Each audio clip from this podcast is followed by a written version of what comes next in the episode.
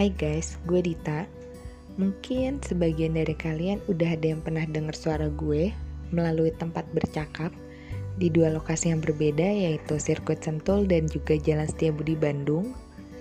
Kali ini gue memberanikan diri untuk memiliki akun sendiri di platform ini supaya gue tetap bisa berkarya dan juga mencurahkan apa yang ada di hati dan pikiran gue yang mungkin bisa jadi relate dengan kalian. Gue harap kalian bisa enjoy dan juga menikmati podcast ini. So, stay tune terus ya.